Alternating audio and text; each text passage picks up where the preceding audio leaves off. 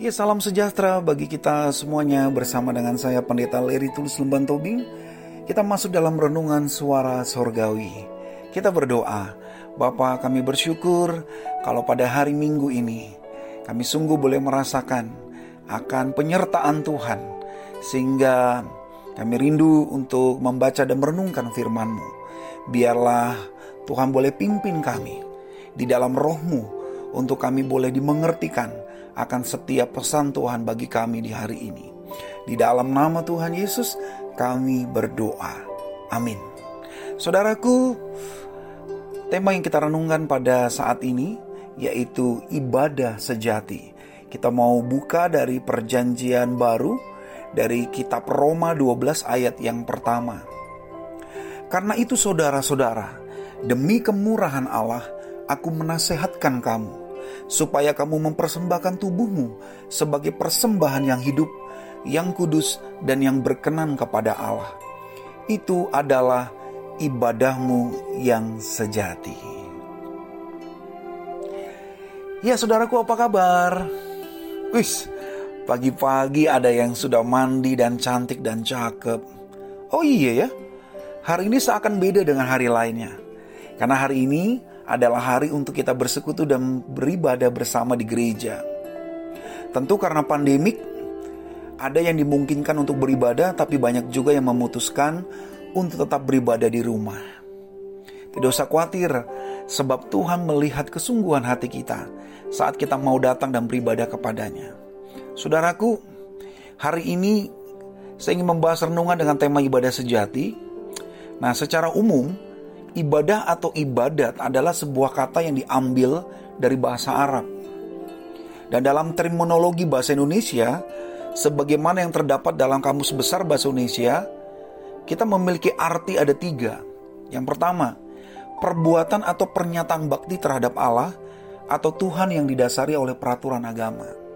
Yang kedua, segala usaha lahir dan batin yang sesuai perintah agama yang harus dituruti pemeluknya. Dan yang ketiga, upacara yang berhubungan dengan agama.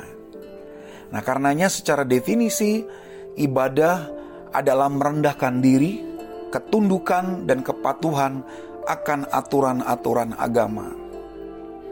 Jika kita mengacu kepada aturan, di dalam perjanjian lama kita jadi ingat hukum kelima dari sepuluh perintah Allah, agar kita menguduskan atau memuliakan Allah pada hari sabat.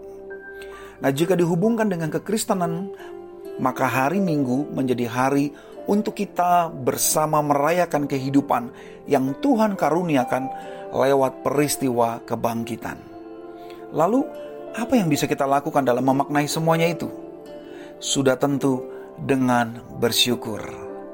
Rasul Paulus menekankan dengan lebih mendalam agar dalam ibadah yang kita lakukan tidak hanya sebatas aktivitas semata, tetapi lebih kepada penghayatan diri dengan mempersembahkan seluruh hidup kita bagi kemuliaannya.